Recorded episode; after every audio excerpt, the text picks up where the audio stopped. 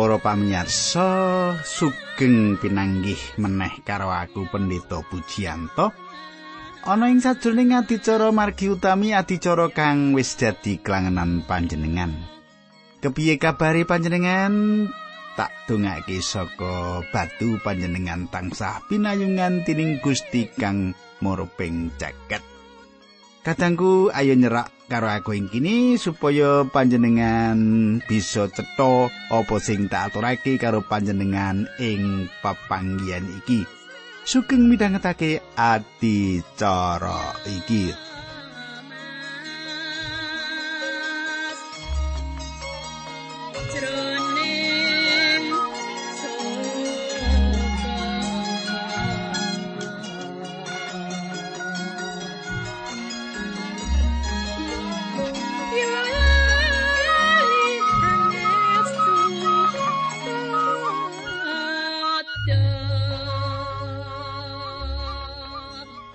Kadangku tak suwun panjenengan isih kelingan apa sing ndak andharake nalika patemon kita ing kepungkur.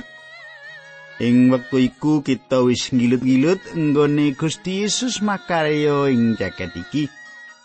Ana sing diwarasake saka larani lan ana uga sing uwal diuwalake saka ketaman setan.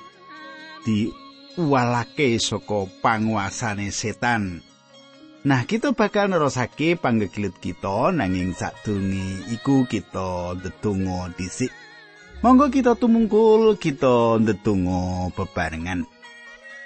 Duh Kanjeng Rama ingkang adhedhampar wonten kraton ing kasuwargan, kawula ngaturaken gunging panuwun menawi wekdal menika kawula saged tetunggilan kalian sedherek-sedherek kawula ingkang setya midhangetaken adicara menika awit gadah pangangka supados tambah kenal tu kalian patuko lan tambah tresno kalian patuko Kawula ndongaaken sedherek kawula ingkang samenika nembe nampeni karwetan gesang Gusti. Kawula nyuwun supados Gusti piyambak ingkang mitulungi, Gusti piyambak ingkang berkahi. Dinambaran asmanipun Gusti Kawulo Yesus Kristus kawula ndedonga. Haleluya. Amin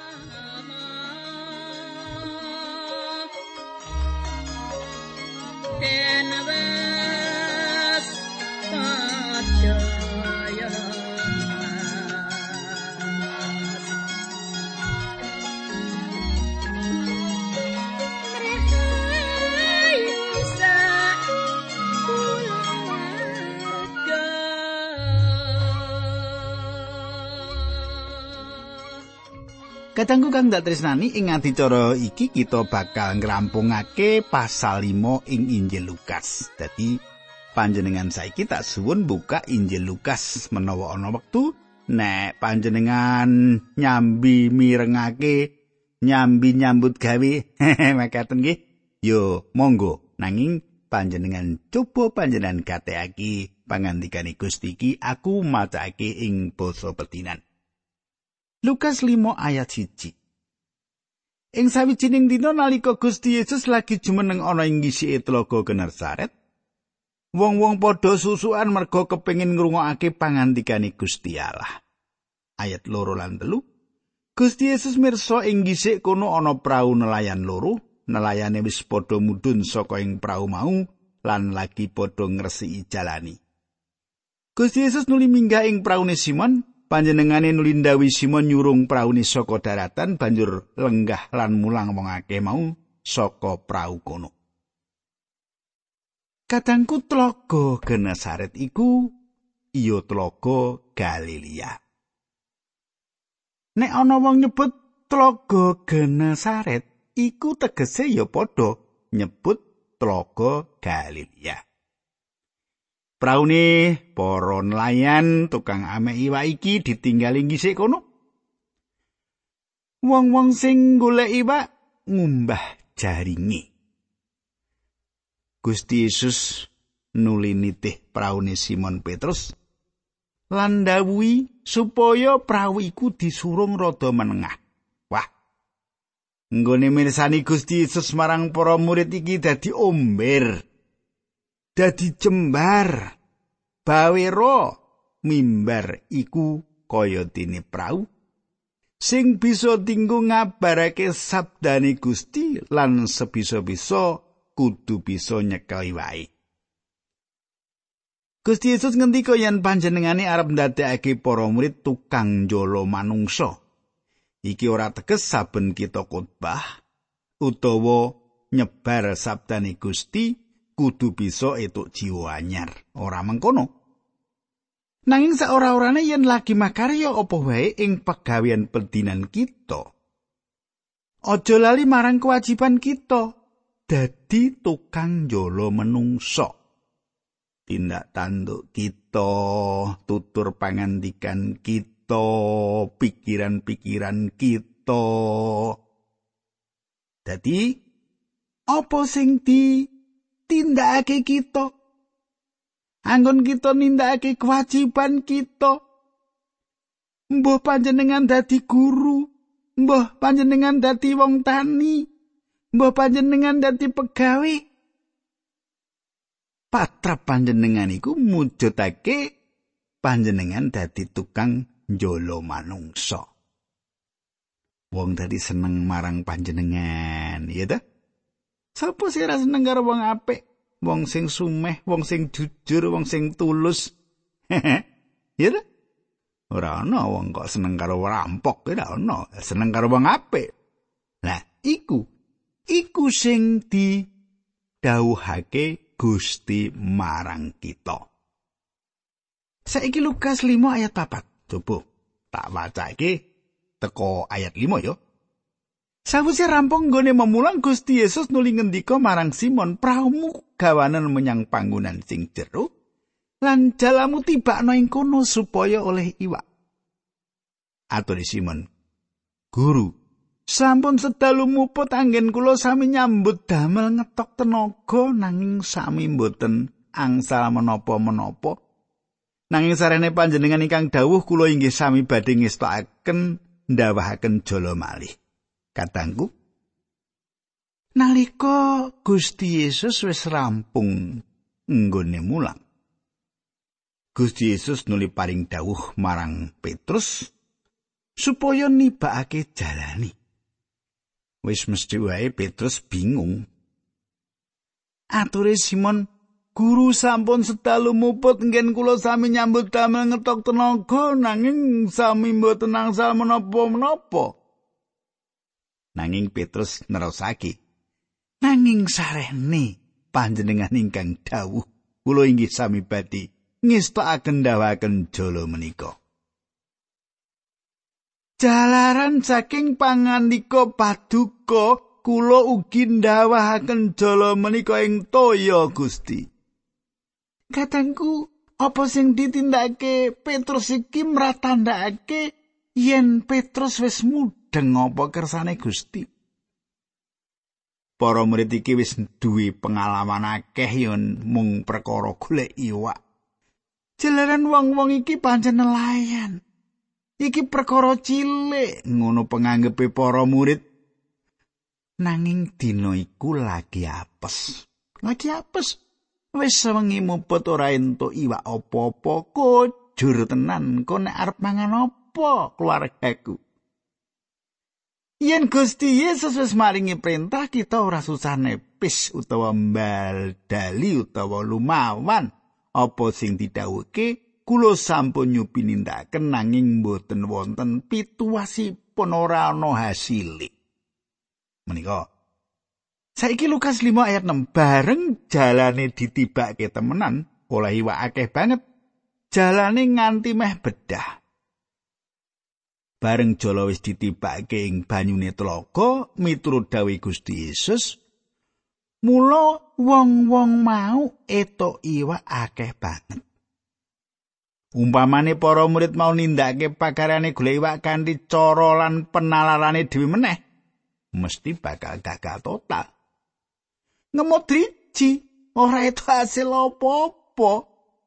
Awit menika dawuh paduka kula badhe nibakaken jala kula dhateng toya Gusti.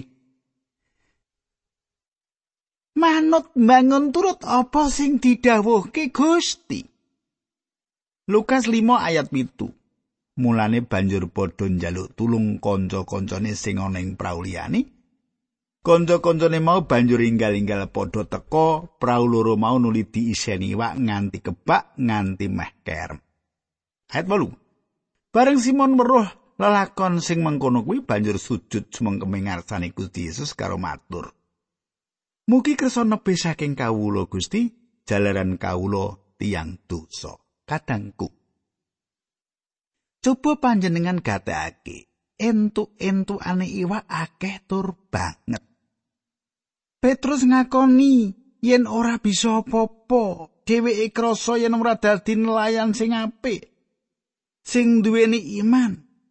Senajan Petrus gagal nanging Gusti Yesus ora bakal ndadekake Petrus cuwo. Gusti Yesus bakal tetep ngagem Petrus ing sajroning pakaryane Allah. Iki uga kanggo kita senajan kita gagal. Gusti ora mbuang kita. Kita kudu ndodo karingkian kita, cilik iman kita. Yen kita sumende ing panjenengane Gusti ora bakal nyingkirake kita saka lelados dadi tukang jolo panjenengane ora bakal nyingkirake kita supaya ninggalake prau. Gusti Yesus tetep bakal ngerangkul kita ing pakaryane wah luar biasa ya toh? Saiki Lukas pasal 5 ayat 9 nganti 11 Simon lan wong-wong kabeh sing ana ing kono padha sumelengeren weruh oleh olehane iwak sing semono akeh. Semono uga kanca-kancane Simon ya kuwi Yakobus lan Yohanes anak-anake Zebedius. Gusti Yesus ngendika marang Simon, "Aja wedi. Wiwit saiki kowe bakal ndak dadekke tukang jolo wong." Sawise praune padha dipinggirake, Simon sak kancane nuli padha ninggal samubarang kabeh sarta nderek Gusti Yesus. Kadangku nggone Petrus entuk iwak iku jalaran nuruti apa dawe Gusti. Ing kene ana piwulang sing apik kanggo kita kadangku Paulus nulis layang menyang Timotius mengkini. Sarto banjur padha eling meneh lan oncat saka kalaning iblis sing wis njiret wong-wong mau supaya nuruti kekarepane. Panjenengan iso maca loro Timotius loro ayat 16. Ing matane iblis kita kaya dene iwak. Lan iblis masang pancinge kanggo kita. Kita bisa milih pancing saka Allah apa pilih pancing saka iblis. Si duraka apa panjenengane Gusti Yesus sing ana ing gesang panjenengan. Ora ana pilihan liya ala ing Gusti Yesus apa iblis panguasane pepeteng sing dadi pilihan kita. Ora ana meneh kejaba Allah lan iblis sing masang pancingi supaya kita pilih. Panjenengan milih sing endi? Pancingi Gusti Allah apa pancingi iblis? Saiki ayat rolas lan telulas kacarito. Naliko Gusti Yesus ana ing sawijining kutha ana wong lanang sing awake sak kujur kebak lelara kusta. Nalika weruh Gusti Yesus, wong mau nulis sujud sumengkeme ngarsane karo matur, "Gusti, menawi kersa Gusti saged nyarasaken kula." Gusti Yesus ngulungake astane demek wong mau karo ngendika, "Aku kersa dadi waras." Sanalika iku go lelarane kusta mari. Kadangku ing ayat 13 nganti 15 kita ndeleng ana wong sing diwarasake dening Gusti Yesus saka lara lepra. Lukas iku dokter. Dadi ketarik perkara-perkara sing ana gegayutane karo penyakit. Gusti Yesus cetha banget kepriye akibat jiwani tumrap wong sing wis tau kena penyakit lepra iki. Nanging wong-wong ing kono padha ora paham kahanan iki. Wong sing kena lara lepra bakal ninggalake keluargane lan urip dhewe ana ing sawijining panggonan. Keluargane bakal ngirim panganan diselahake ing sawijining panggonan sing banjur dicupuk karo sing lara mau. Wong mau mung bisa nyawang bojo lan anake saka kaduan wae. Nuju sawijining dina Gusti Yesus liwat ing panggonan kono, nuli wong mau diwarasake saka lara leprani. Nggone marasake Gusti Yesus kanthi ngulungake astane marang wong mau, nuli ngemek penyakite. Wis suwe banget wong lara kusta iki ora tau singgulan karo wong liya. Mula iki banget gedhe pengaruhe ing batine. Apa panjenengan uga kagungan pengalaman didemek? Disenggol dening astane Gusti Yesus sing kebak ing melasasi. Urip kita akeh bagiane sing perlu didemek dening Gusti Yesus. Yen panjenengan wis dadi kagungane Gusti Yesus, nuli nyuwun supaya bisa nibake jala ing panggonan sing kapilih, panjenengan bakal entuk iwak sing akeh. Kaya dene Gusti Yesus sing tresnani wong lara kusta, panjenengan uga bisa ngulurake asta panjenengan kanggo wong liya supaya wong liya ngerti katresnane Yesus marang manungsa. Lukas 5 ayat pitulas nganti rong puluh. Sawijining dina nalika Gusti Yesus lagi memulang ana wong Farisi lan para ahli Taurat sawetara sing padha melu lungguh ing kono. Wong-wong mau tekane saka kutha-kutha ing tanah Galilea, Yudea lan Yerusalem. Gusti Yesus kaparingan kuasane pangeran kanggo marasake wong-wong sing padha lara. Nalika semono wong sawetara padha teka nggotong wong lumpuh ing peturone kasuwanake marang Gusti Yesus. Wong-wong mau padha mbudidaya bisane sing lumpuh kuwi mlebu ing omah panggonane Gusti Yesus memulang sarta nyelehake ana ing ngarsani. Nanging saka akeh wong sing ana ing kono sing lumpuh mau ora bisa digawa mlebu. Mulane banjur digotong munggah ing payon ing omah. Payon mau nuli dibuka lan sing lumpuh mau diudunake sapeturone ing satenge wong akeh sing ana ing kono persis ana ing ngarsane Gusti Yesus. Perso gedening pangandele wong lumpuh sarta wong-wong sing padha ngotong Gusti Yesus banjur ngendika marang wong sing lumpuh, "Sana, dosamu wis diapura."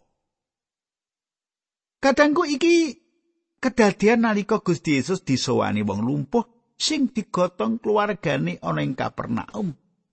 Ing Injil Matius lan Markus crita iki uga ditulis. Ing lakon iki Gusti Yesus marasake wong mau kanthi ngendika sana dosamu wis diapura. Mesti wae iki ukara sing banget renyuhake atine. Akeh wong sing durung ana kalodhangan kanggo krungu sabdane Allah sing sejati. Kita bisa nulungi wong-wong mau. bisa uga kanthi digotong supaya bisa krungu pangandikane Gusti Yesus. Wong mau lumpuh secara rohani, bisa uga jalaran dosane. Bisa uga wong iki lumpuh jalaran duweni panyokro bawa marang katresnane Allah ing asmane Gusti Yesus. Wong-wong iki durung tau krungu dhewe. Secara pribadi, sana dosamu wis diapura. supaya bisa krungu ukara iki panjenengan kudu menehi pitulungan supaya wong mau bisa sowan ing ngarsane Sang Kristus. Manut apa sing kita deleng ing lelakon mau ana garis sing cetha.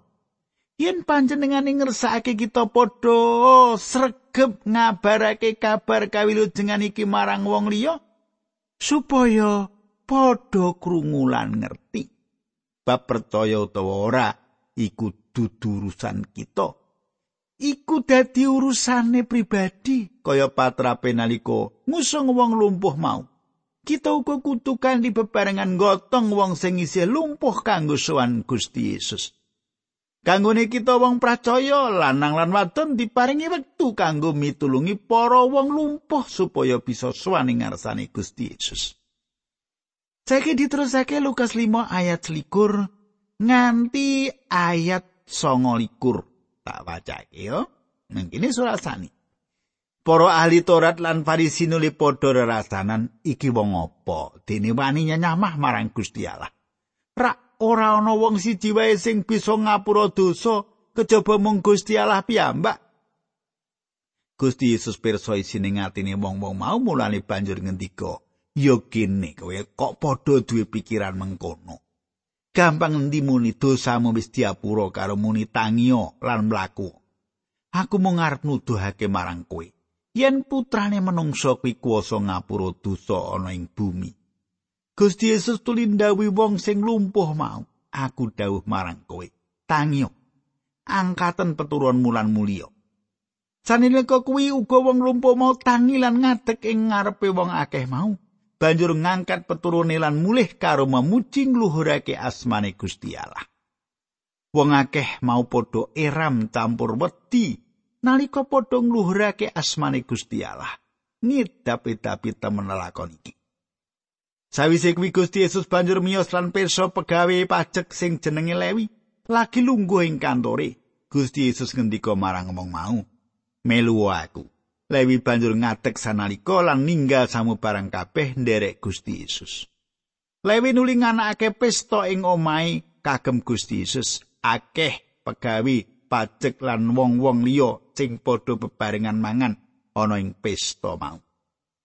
Kadangku apa sing ditindakake dening Lewi nalika mangan ing wayah bengi bebarengan iki supaya akeh wong sing bisa dikenalake karo Gusti Yesus. Lewi iku tukang nagih pajak lan misuwur tumindake Bromo carah. Nalika Lewi wis ngerti sapa iku Gusti Yesus, Lewi banjur nindakake apa sing bisa ditindakake. Dheweke tukang narik pajak sing sugih banget. Dheweke nganakake adicara mangan bengi bebarengan karo kanca-kancane lan bisa ketemu Gusti Yesus. Ayat telung puluh, wong Farisi lan para ahli Taurat sawetara sing padha weruh kanan sing kaya mengkono kuwi, atine padha ora seneng nuli padha kandha karo murid-murid Gusti Yesus. Yo gene, kowe padha mangan lan ngombe awar pegawe pajak lan wong-wong ala. Kadangku para ahli Taurat lan wong Farisi padha ngajakake pitakonan lan ngritik marang Gusti Yesus. Nanging Gusti Yesus bisa maringi jawaban sing pas. Contoh sing ora bisa disrekal meneh. Lukas 5:31 nganti 32. Gusti Yesus ngendika, wong sing waras ora mbutuhake dokter, sing mbutuhake dokter kuwi mung wong sing lara. Tekaku ora perlu nimbali wong sing sempurna, nanging wong sing ngrumangsani dosane. Jawab sing diparingake Gusti Yesus pancen cespleng. Panjenengan iku tabib agung lelono njajah desa milangkori goleki sing lara nuli kawarasake. Gusti rawuh goleki sing lara uripe jalaran dosane. Injil pancen kanggo wong-wong sing ngerti kebutuhane ana sawaneh wong sing nganggep uripe wis apik banget. Kanthi mengkono ora perlu kawilujengan maneh. Wong-wong mau ora ngerti apa sing dadi kebutuhane. Yen panjenengan butuhake pitulungan kanggo urip panjenengan Injil pancen disediakake kanggo ngaturi jawabane. Gusti Yesus bisa milu jengake panjenengan yen panjenengan mung nuruti kersa priyangga karepe dhewe. Senatan urip panjenengan kecukupan samu barangi, panjenengan bakal nemu dalan kerusakan. Gusti Yesus sang dokter agung ora bakal paring waras marang wong sing rumangsa ora lara. Lukas 33 ana wong sing padha nyuwun pirsa marang Gusti Yesus. Para muridipun Nabi Yohanes asring sami siam lan ndedonga. Mengkaten ugi para muridipun tiang Farisi king menapa para murid panjenengan kok mboten sami nindakaken mekaten. Kadangku wong-wong Farisi lan ahli Taurat nyuwun pirsa. Kenapa para murid Gusti Yesus ora poso? Mongko murid Yohanes lan para ahli Taurat lan Farisi padha nindakake poso kenging napa Gusti? Lukas 5:34-35 Pangandikane Gusti Yesus apa ana? Para tamu sing panggonane wong mantu dikon poso mongko pengantene lanang isih ana ing tengahe para tamu mau? Rak mesti ora. Nanging semangsa pengantin lanang kuwi dibedol saka ing tengah-tengahe para tamu mau banjur lagi padha poso katangku ing dinane iki kita isih bisa suka-suka senajan poso iku ana pigunane. Jalaran apa jalaran Gusti Yesus wis jumeneng ana ing swarga nanging ing bumi isih ana manungsa sing nolak percaya marang panjenengane.